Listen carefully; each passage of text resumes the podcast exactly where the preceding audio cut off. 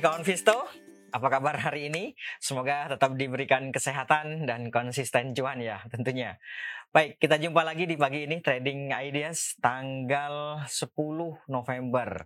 Dan seperti biasa, sebelum kita membahas ide-ide trading, ada baiknya kita review dulu pergerakan IHSG di perdagangan kemarin.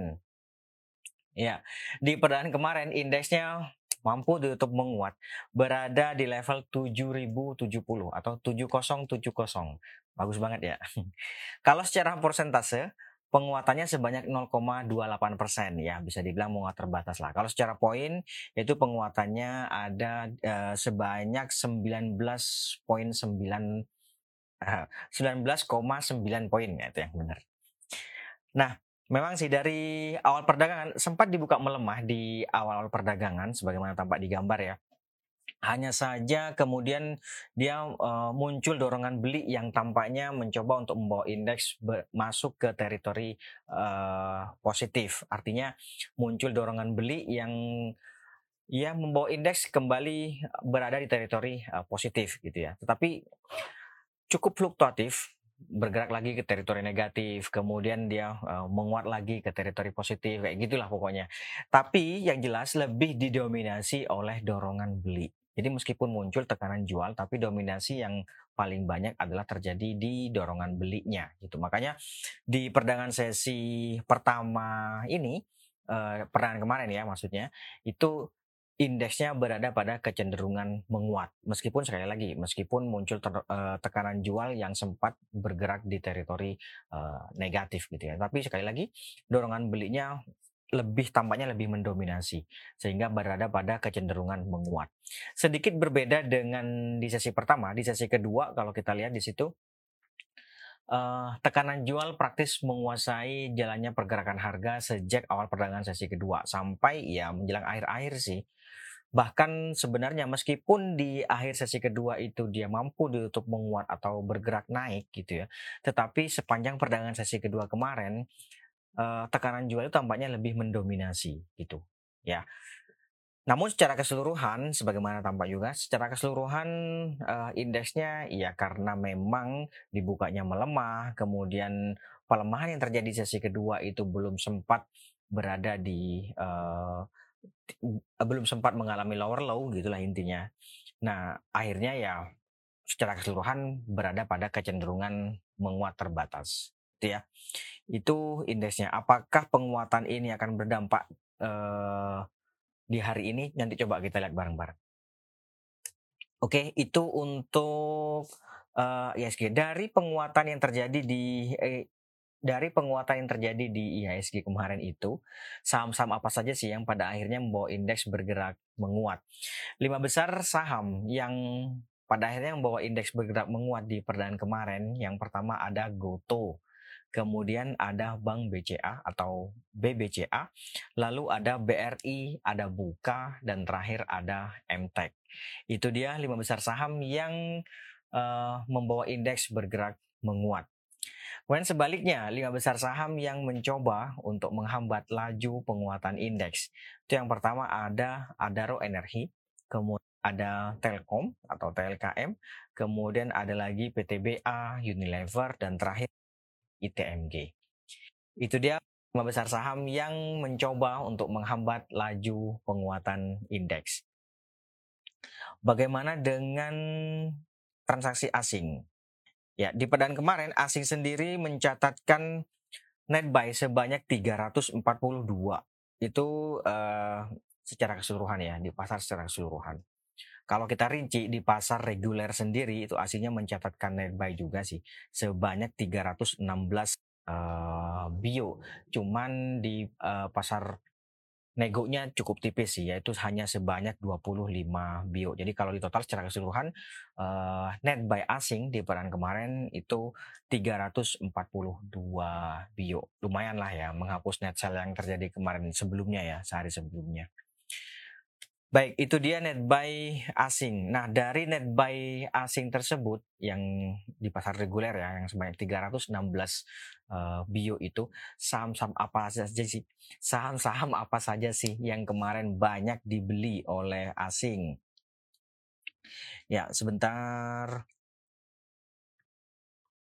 besar saham yang banyak dibeli oleh asing di perdagangan kemarin. Yang pertama ada Bank BCA, kemudian ada Bank BNI, lalu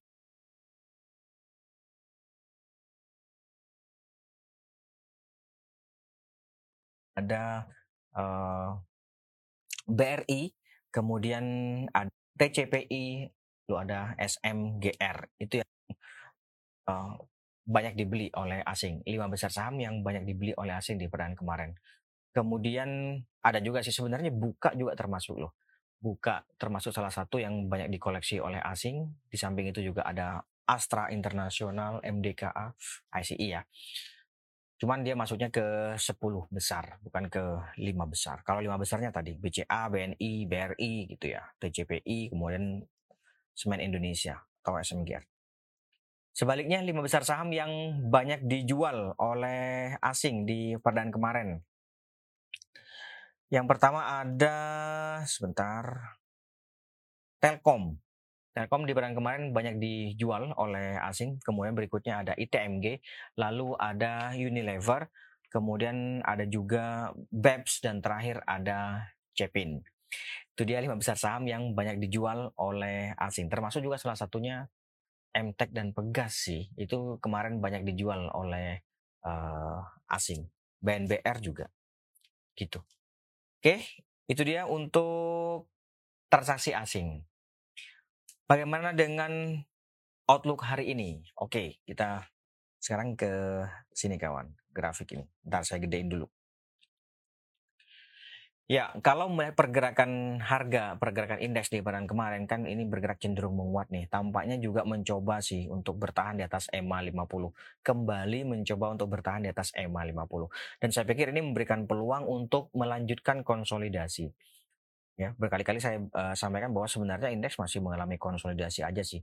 Jadi saya pikir hari ini sih akan kembali bergerak fluktuatif atau melanjutkan konsolidasi, tapi dan kecenderungannya kembali menguat terbatas ring pergerakan diperkirakan antara 70 sampai 7110 lah di level-level itu kawan. Ya tidak tidak banyak sih perubahannya ya. Oke. Itu untuk uh, eh, ISG-nya. Kemudian sekarang kita ke ide trading. Barangkali ada kawan Visto yang punya ide trading boleh disampaikan nanti kita lihat bareng-bareng. Oke, ide trading yang pertama. Yang pertama, sebentar saya lihat dulu. Ada Pegas. Oke, Pegas. Nah, ini dia Pegas. Oke. Pegas ini kemarin termasuk termasuk salah satu yang uh, banyak dijual oleh asing sih, tapi meskipun tapi dia dia masuknya ke 10 besar. Nah, kalau melihat pergerakannya, ada potensi sih untuk menguji support level yang ada di sini nih, uptrend line. Coba ya, saya kecilin ya, nih. Gini kawan. Ini kan sebenarnya bisa dibilang uh, uji uptrend line, ya enggak? Jadi menurut saya ini bisa saja buy on weakness di level-level sini kawan. Dia itu di 18 10 sampai dengan 1825 ya boleh lah. Atau 1800 sampai dengan 1820 ya boleh juga di level-level itu gitu ya. Buy on di level itu oke okay sih. Itu uh, cukup ideal lah gitu ya.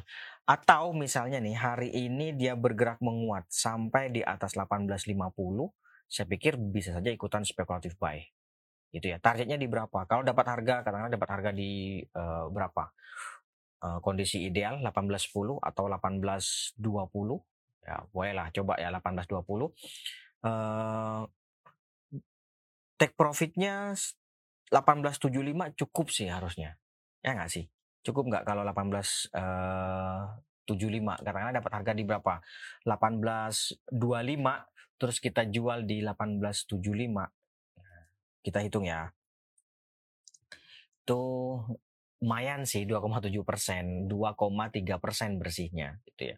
Kalau dapat harga di uh, eh, 18,10 ya kurang lebih tiga persenan lah kotornya gitu ya. Oke sih, boleh lah gitu ya. 1875 di atasnya ya ini sih di atasnya ada 1910 ya di sini nih. 1905. Nah, nih. Ini 1905 nih kawan.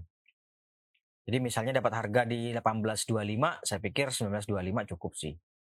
Eh, 1905 maksud saya.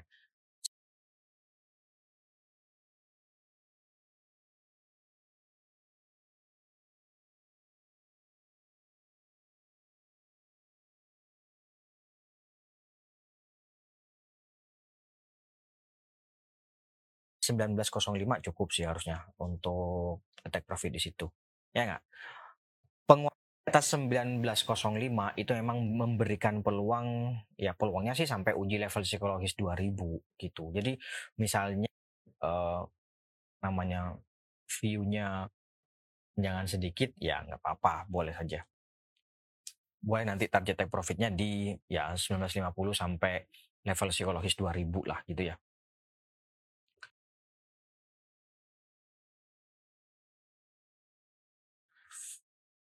Oke, itu untuk Pegas.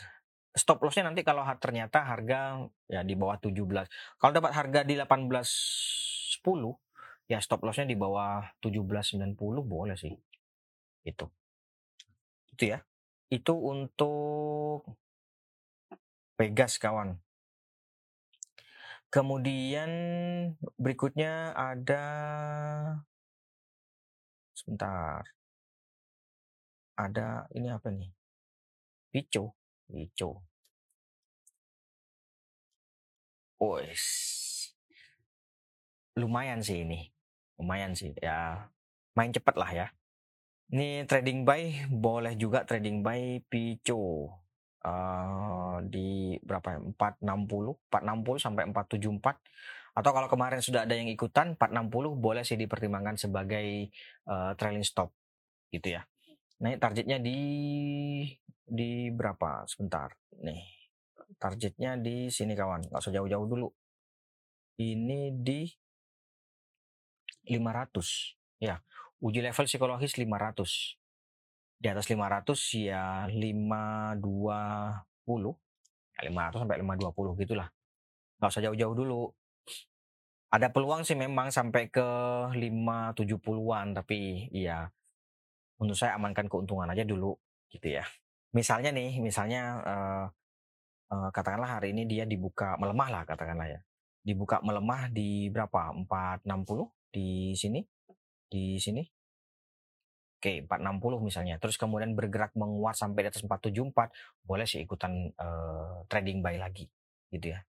Nanti target profitnya ya boleh di 500 boleh uh, level psikologis 500 gitu ya. Tapi kalau misalnya hari ini open gap, mending tunggu di bawah sih.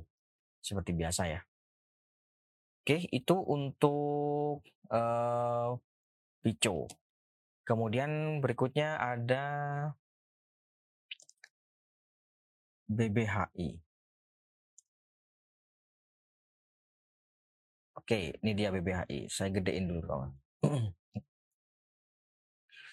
BBHI, BBHI namanya cukup menarik uh, kemarin sempat uji support atau uji EMA 20 yaitu di 2260 kemudian belum mampu dan mampu bergerak menguat akhirnya. Bisa saja ini spekulatif buy 2310 kejauhan ya Ya, intinya gini, kalau uh, support terdekatnya sih di 2310 sampai dengan 2260. Kalau mau cukup ideal ya tentu buy on witness di level-level itu gitu ya. Tapi kalaupun mau spekulatif buy ya boleh saja sih di berapa 2 2370 sampai 2400 ya oke lah di level-level itu. Nanti TP-nya nggak usah jauh-jauh kawan. Di sini aja dulu nih 2480. 2480 ya emang sih cukup idealnya di 2600. 26 2610 lah gitu ya. Itu cukup idealnya. Tapi menurut saya sih uh, ini kan resist cukup kuat nih. Kemudian cluster dengan EMA 50-nya juga. Jadi mending amankan dulu aja keuntungannya di 2480 gitu. Misalnya dapat harga di katakanlah di 2370 gitu. Sebenarnya kalaupun dapat harga di 2400 kalau kita jualnya di 2480 uh, untung nggak sih sebenarnya? Coba ya kita hitung ya. Dapat harga di 2400, jual di 2480. Eh, Keuntungannya 3,3 persen kotor, 2,9 persen bersih. Cukup sih harusnya. untung lah yang jelas ya. Oke, itu untuk BBHI. Kemudian berikutnya ada Excel. Oke, Excel. Setelah Excel nanti kita coba lihat Telkom ya. Ini dia Excel. Ini kalau bicara ideal sih maka idealnya adalah buy on witness. Buy on witnessnya di 2360 sampai 2400 atau 2390 ya di level-level sini kawan. Nih, 2360 sampai sini. Ini kalau bicara ideal ya. Kenapa demikian gitu misalnya ada pertanyaan seperti itu. Ya, karena sebenarnya dalam dua, dua hari terakhir ini tekanan jualnya sih masih cukup uh, mendominasi. Nah, untuk short to medium, ini coba kita lihat ya, yang uh, short to medium. Kalau untuk short to medium, nih, ini cukup menarik sih. Tuh, ini sebentar ya, saya uh, ini sampai dengan saat ini kan dia masih mengalami konsolidasi nih, benar nggak? Nih konsolidasi, ya tentu kalau konsolidasi kan biasanya buy on breakout ya yang ideal ya. Di dua di atas 25 20 itu buy on breakout-nya untuk satu medium dengan kondisi ideal gitu kan. Tapi sebenarnya bisa saja ini spekulatif buy atau boleh saja spekulatif buy yaitu kenapa uh, ini bullish crossover atau stokasnya cenderung uh, bergerak menguat. Jadi saya pikir untuk short to medium sekali lagi untuk short to medium sebenarnya ini boleh saja spekulatif buy atau kalau mau kalau mau cukup ideal ya buy on breakout. Tetapi untuk short term untuk memanfaatkan fluktuasi jangka pendek maka ini idealnya adalah buy on weakness. Boleh saja di 2390 lah. 2390 itu di level-level sini nih kawan. Yang merah ini. 2390 atau 2400 boleh lah. Nanti TP-nya di berapa untuk jangka uh, pendeknya? 2490 cukup sih harusnya ya. Nih, di sini nih. Kalau dapat harga di 2400 atau dapat harga di 2390 ya 2490 uji EMA 50 atau sekalian di atasnya sini nih. Ini cukup untuk jangka pendeknya yaitu di 2530-an gitu. 2530 gitu ya. Bolehlah di level-level situ. Nanti stop lossnya di bawah 2310 gitu. Misalnya dapat harga di berapa? 2360 atau dapat harga di 2310. Eh sorry 2390. Kalau dapat harga di 2310 atau 2360 ya stop lossnya di bawah 2310 sih di bawah sini kawan. Gitu. Oke, itu untuk uh, Excel. Kemudian kita lanjut ke Telkom. Telkom ya. Ini Telkom ini sebenarnya cukup menarik sih, ya nggak? Apalagi kalau suatu mediumnya, tuh. Nih, dia mencoba bertahan di atas uptrend line loh. Jadi kalau untuk suatu medium kurang lebih sama lah. Ini boleh juga spekulatif buy. Tapi kalau untuk short term tampaknya cukup berbeda strategi dengan yang Excel tadi. Untuk short untuk memanfaatkan fluktuasi jangka pendek, ini mending buy on breakout sih di atas 4230 di atas ini. Paling tidak di atas 423 di atas ini 4300 gitu kawan. Nanti TP-nya di berapa? 4400 di sini kemudian di atasnya ada 4450 oke itu untuk Telkom ya. Buy on breakout itu cukup ideal. Uh, spekulatif buy boleh nggak? Sebenarnya boleh saja. Kalau melihat ini kan boleh saja nih. Ini kan bearish engulfing sebelumnya ya. Udah lama sih tapi masih berlaku nih karena kan uh, formasi candle itu validitasnya 5 sampai 8 hari gitu ya. Oke. Itu untuk Telkom. Kemudian berikutnya ada lagi OBMD. OBMD. Bentar. Hmm. OBMD. Oke, OBMD ini ya sebenarnya dia mengalami konsolidasi sih. Meskipun kemarin dia ditutup menguat, penguatannya lumayan 4 poin ya atau 8 rupiah. Tapi dia sebenarnya mengalami konsolidasi kurang lebih tiga hari terakhir inilah. Jadi penguatan kemarin itu sebenarnya melemah, me, apa, mengkoreksi pelemahan yang terjadi sehari sebelumnya. Yang ini nih kawan, ya enggak? Nah, cuman kalau melihat kondisi ini maka yang cukup ideal untuk OBMD ini bisa saja trading buy. Ingat, kalau trading buy berarti potensial risknya sudah uh, lebih besar dibandingkan dengan potensial return. Taunya dari mana? Dari resisten level terdekatnya, yaitu resisten level terdekatnya kan di sini nih kawan. Yaitu di 290. Ya enggak? Sementara uh, support terdekatnya itu ada di 266 di sini kawan. Oleh karena itu tampaknya ya apa namanya lebih sedikit atau lebih besar uh, risikonya dibandingkan dengan potensial return. Tapi boleh saja trading buy. Trading buy misalnya katakanlah di berapa? 276 atau 274 sampai 278 ya oke. Okay. 274 sampai 278 nanti target take profitnya kalau dapat harga di 274 menurut saya sih 284 cukup. Ya enggak? Kalau dapat harga di 278 ya 290 boleh lah gitu ya. TP-nya di 290. Top loss kalau ternyata harga melemah di bawah itu tadi 266 ya. Itu baru uh, bisa dipertimbangkan tuh top loss. Nah, di atas dua jadi gini, resisten level terdekat tadi kan saya bilang 290 ya. Ya itu cukup kuat. Kalau lemah eh, yang yang mah uh, cukup lemah sih. Itu di 29284 284 kemudian 284 ini dalam tanda kurung ya karena cukup lemah.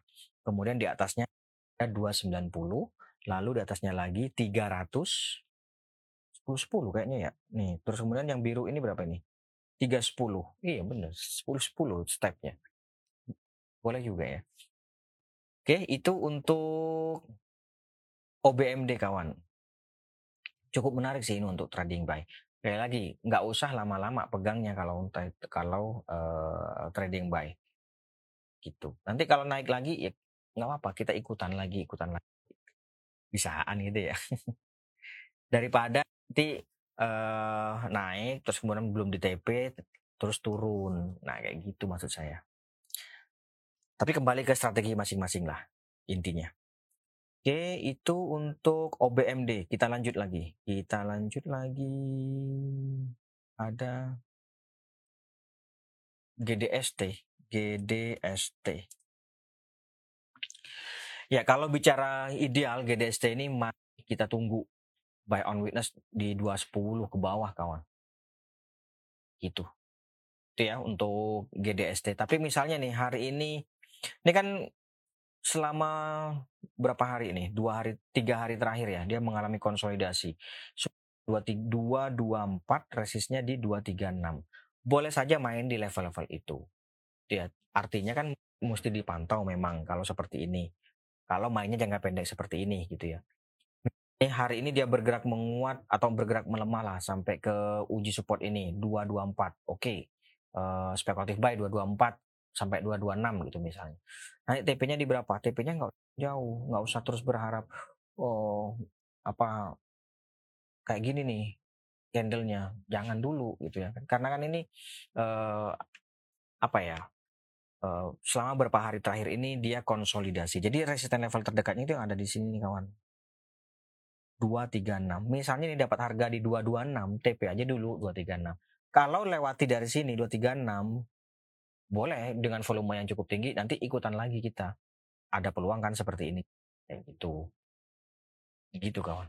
Pokoknya uh, yang bisa yang tahu cari resisten levelnya ya nyampe resisten udah TP aja dulu.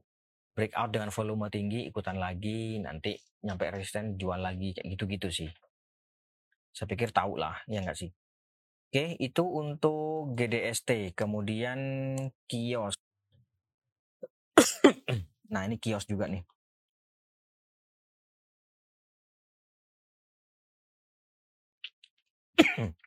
kios ini idealnya adalah buy on breakout di atas 472 di sini kawan. Itu.